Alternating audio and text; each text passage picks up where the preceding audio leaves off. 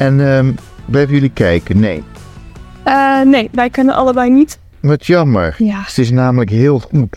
Het is ook uitverkocht, dus eh, er was ook niet echt plek voor ons geweest. Voor twee kleine meisjes hebben we toch nog wat plek. Oh, ergens in een hoekje. Ja.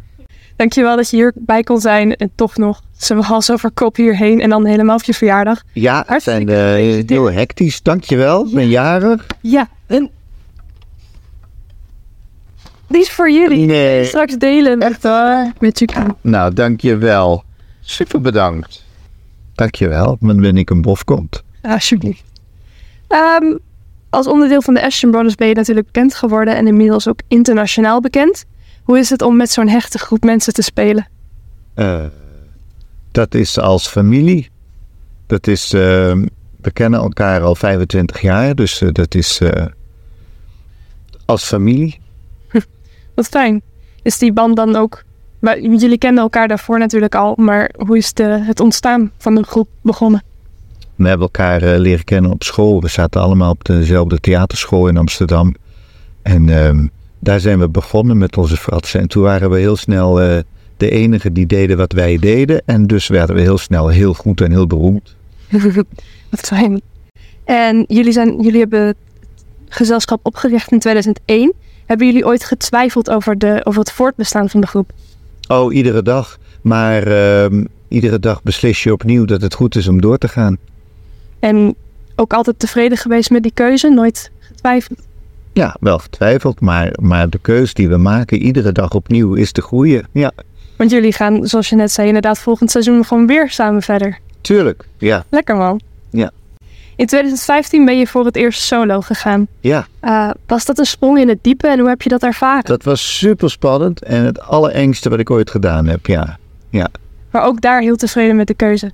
Eh, zeker, ja, want dat doe ik ook nog steeds. Waarom heb je ooit besloten om dan solo te gaan? Ehm, eh, verschillende redenen, maar ik denk dat de belangrijkste is dat, eh, dat ik nog een ei te leggen had. Dat ik niet leggen kan eh, met mijn Esther-broers. Eh, omdat wij inmiddels een soort eh, vorm van theater hebben ontwikkeld die heel breed is, maar bijvoorbeeld niet met tekst.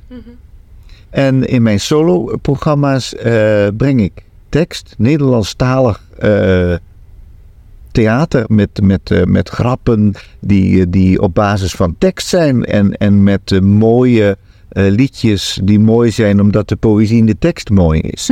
En eh, dat is precies wat ik bij de Brothers niet doe.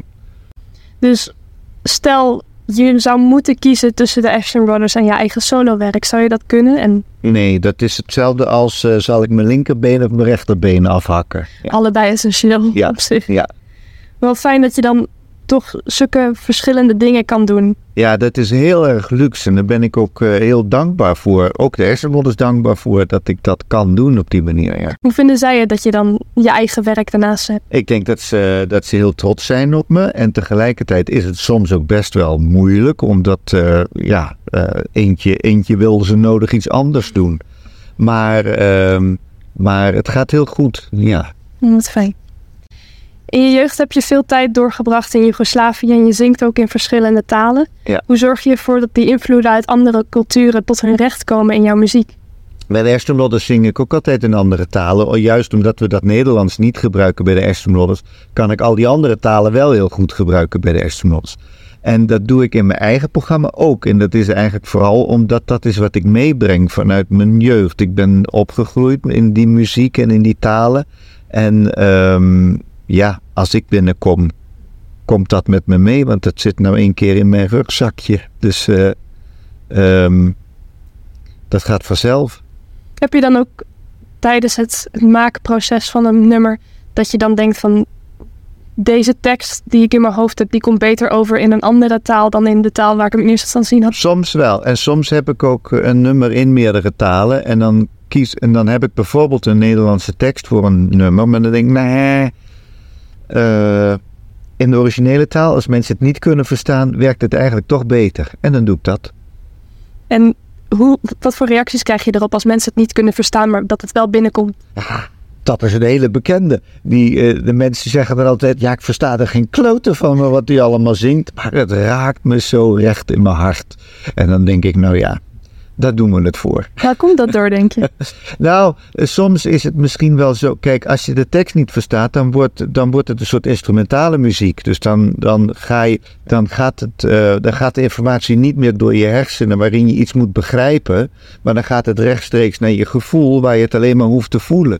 En eh, in mijn soloprogramma's, in de spijkersvoorstellingen, speel ik daar ook wel mee. Dat soms dan ehm, versta je heel letterlijk het verhaal van een liedje. Of soms versta je de woorden wel. Maar is het zo'n abstract schilderijtje dat, dat je zelf. ehm, eh, omdat het poëzie is, is het niet een, een letterlijk ehm, anekdote in een lied, maar is het meer een schilderij van, van woorden.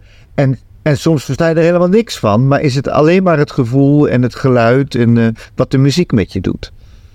Hoe probeer je dan, als mensen het niet kunnen verstaan, dan toch eh, misschien een boodschap over te brengen? Doe je dat dan met bewegingen of met visualisatie ergens? Ja, mijn voorstellingen zijn altijd helemaal vol met, eh, met beeld ook. Ik heb vorige voorstelling die heet eh, Hotel Spijkers. Hm. En daar heb ik de beamer meegebracht. En hebben we hele mooie foto's gemaakt, gebaseerd op oude schilderijen en, en, en, en toen hotelkamers, omdat het Hotel Spijkers heette. En die werden levensgroot als achterwand geprojecteerd. Dus daar kon je ook mij en mijn muzikanten en mijn familie en, eh, eh, eh, zien. En dat gaan we in Spijkerpaleis, wat de nieuwe voorstelling is, Mhm. gaan we ook weer gebruiken. Dus dat wordt niet alleen om te luisteren een indrukwekkende voorstelling, maar ook in beeld gebeurt er van alles. Hoe mooi. Bij Hotel Spijkers wilde je inderdaad een soort van trip of hallucinerende droom creëren.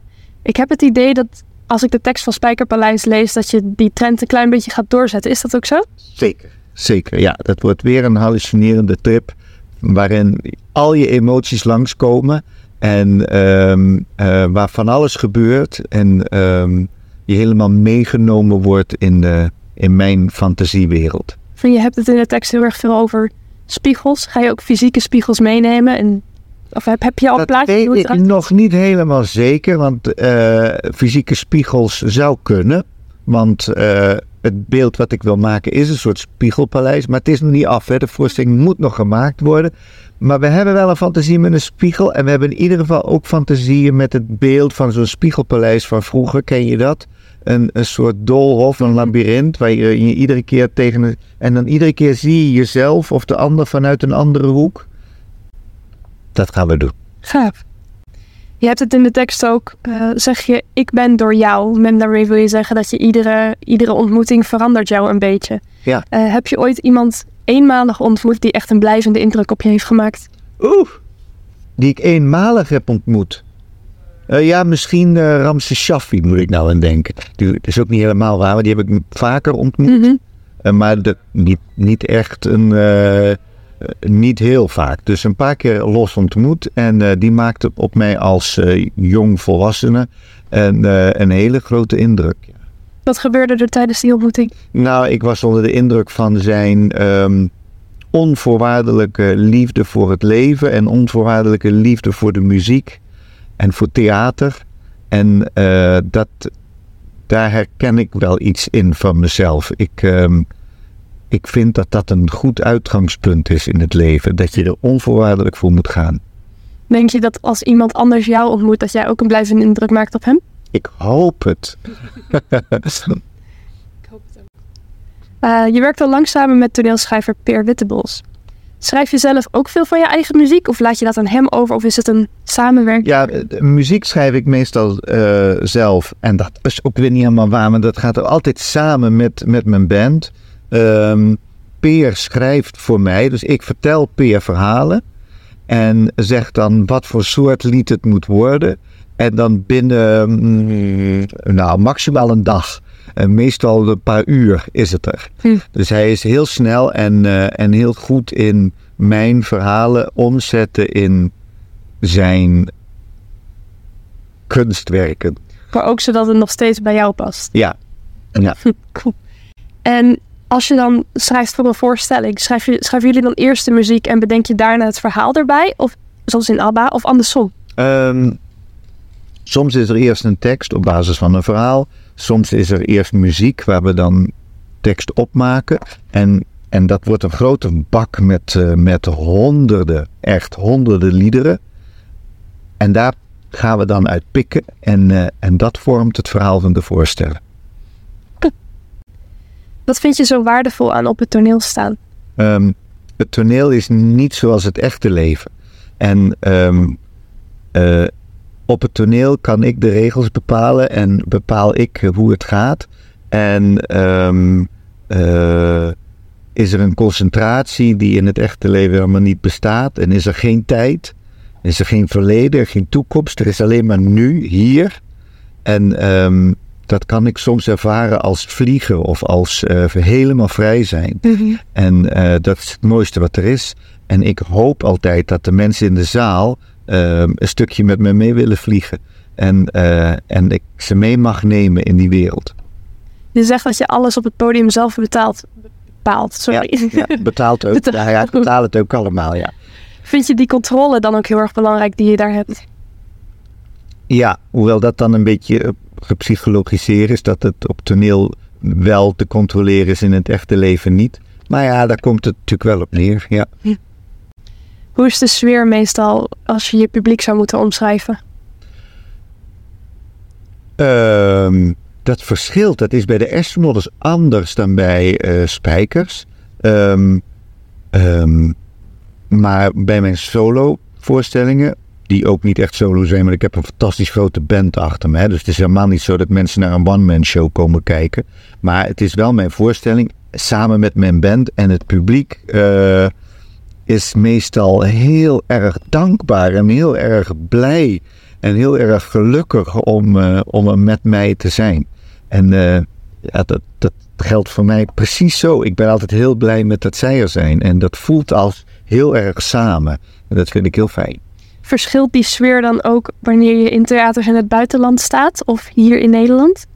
De verschillen in Nederland zijn eigenlijk het, net zo groot als de verschillen tussen Nederland en het buitenland. Dus een voorstelling kan in Stadskanaal heel anders zijn dan in Maastricht of in Veenendaal. En datzelfde geldt voor het buitenland. Soms is Barcelona heel anders dan Engeland, maar nou ja, ja iedere zaal is anders. Dus de afwisseling van iedere avond is anders, is juist ook wel fijn. Zeker, ja, ja. Mooi. Als je dan plots een carrière switch zou maken, gewoon echt iets compleet anders, wat zou je dan gaan doen? Ja, dan word ik uh, tegelzetter. Oké. Okay. Want uh, dat heb ik in coronatijd ontdekt. Ik kan tegel zetten. Zo. Ja, dus ik ben te boeken, maar ik ben op het moment heel druk in theater. Waarom tegelzetter? Nou, dat kan ik. Dat blijk ik dus te kunnen. Ik wilde de keuken opnieuw tegelen. Ik dacht, ik begin gewoon. Heb ik samen met mijn vrouw heb ik een paar YouTube-filmpjes gekeken van hoe het moest. En toen zijn we begonnen. En nu is die hele wand dus betegeld. En het ziet er fantastisch uit. En het zit er nog steeds op. Geheim talent. Ja. Welk nummer of welke artiest is echt jouw all-time favorite? Wat luister jij continu? Oeh, dat kan ik niet beantwoorden, want ik luister heel erg veel. Uh, ik, ik luister wel heel vaak muziek, vooral in de auto, want ik ben natuurlijk veel onderweg naar theaters. Um, maar ik luister van alles, van hele klassieke, hele serieuze muziek tot um, hele fijne Balkan uh, gypsy. En, uh, maar ook Alicia Keys en jazz en alles. En ik ben een veelvraat wat dat betreft. Stel, wij maken nu een, uh, een playlist en alle artiesten laten daar één of twee nummers in achter. Die zij vinden dat anderen moeten horen. Welk nummer moet daar dan in? Van mij? Van iemand die jij uh, fijn vindt om naar te luisteren. Oh, doe mij dan een, een, een nummer van Jules Deelder met zijn band. Dat is jazz en, en poëzie. Of um, um, De trein naar het noorden van Ramses Shaffi. Of um, De eeuwigheid van mijzelf. Hm. Luister je ook veel naar je eigen muziek? Nee. Nee, dat niet. Welke muziek heb jij dan bijvoorbeeld nu in je auto opstaan? Um, onderweg hier naartoe stond uh, Spotify op uh, een Franse uh, zigeunerband. Een soort Hot Club de France-achtige muziek. Uh, gaat nergens over, maar is wel gezellig. Dus de, de melodie is blijkbaar net zo belangrijk als de ja. tekst? Ja, dan wel. Ja. Dan. Heb, heb je nog iets van een, een nieuwtje of een scoop voor iedereen die luistert? Ehm, een scoop. Ja, wanneer ben ik hier weer? Weet jij dat in Veenendaal? Januari, februari? Januari en februari, Ja, niet te geloven. Zo lang, hè? is wel lang, twee maanden lang. Elke Joost, avond. elke avond twee maanden lang in Veenendaal. Joost, zal ik het eens opzoeken? Volgens mij is het in januari. Had ik natuurlijk van tevoren moeten doen, dit. Hadden wij ook kunnen doen. Ja, Ja. even kijken. 23 juni, twee... oh nee, dat is vandaag. Oh. Vrijdag, 19 januari. Vrijdag, 19 januari om 8 uur in de Lamperiet in Veenendaal. Van harte welkom. De microfoon valt erbij om. Zo. Top. Ja. Dus dan ben je hier. Ja. En dan gaan we er gewoon net weer zo'n gezellige avond van maken als vandaag. Zeker. Of wordt dat anders? Het wordt anders, maar net zo leuk. Heb je er zin in? Ja, Wij ook. ja goed zo. Heel fijn dat je hier toch nog op je verjaardag heen kon komen. Dankjewel. En ik vond het een hartstikke gezellig gesprek. Ja, super. En bedankt voor de taart. Die gaan we lekker opeten. Veel succes vandaag. Dank je.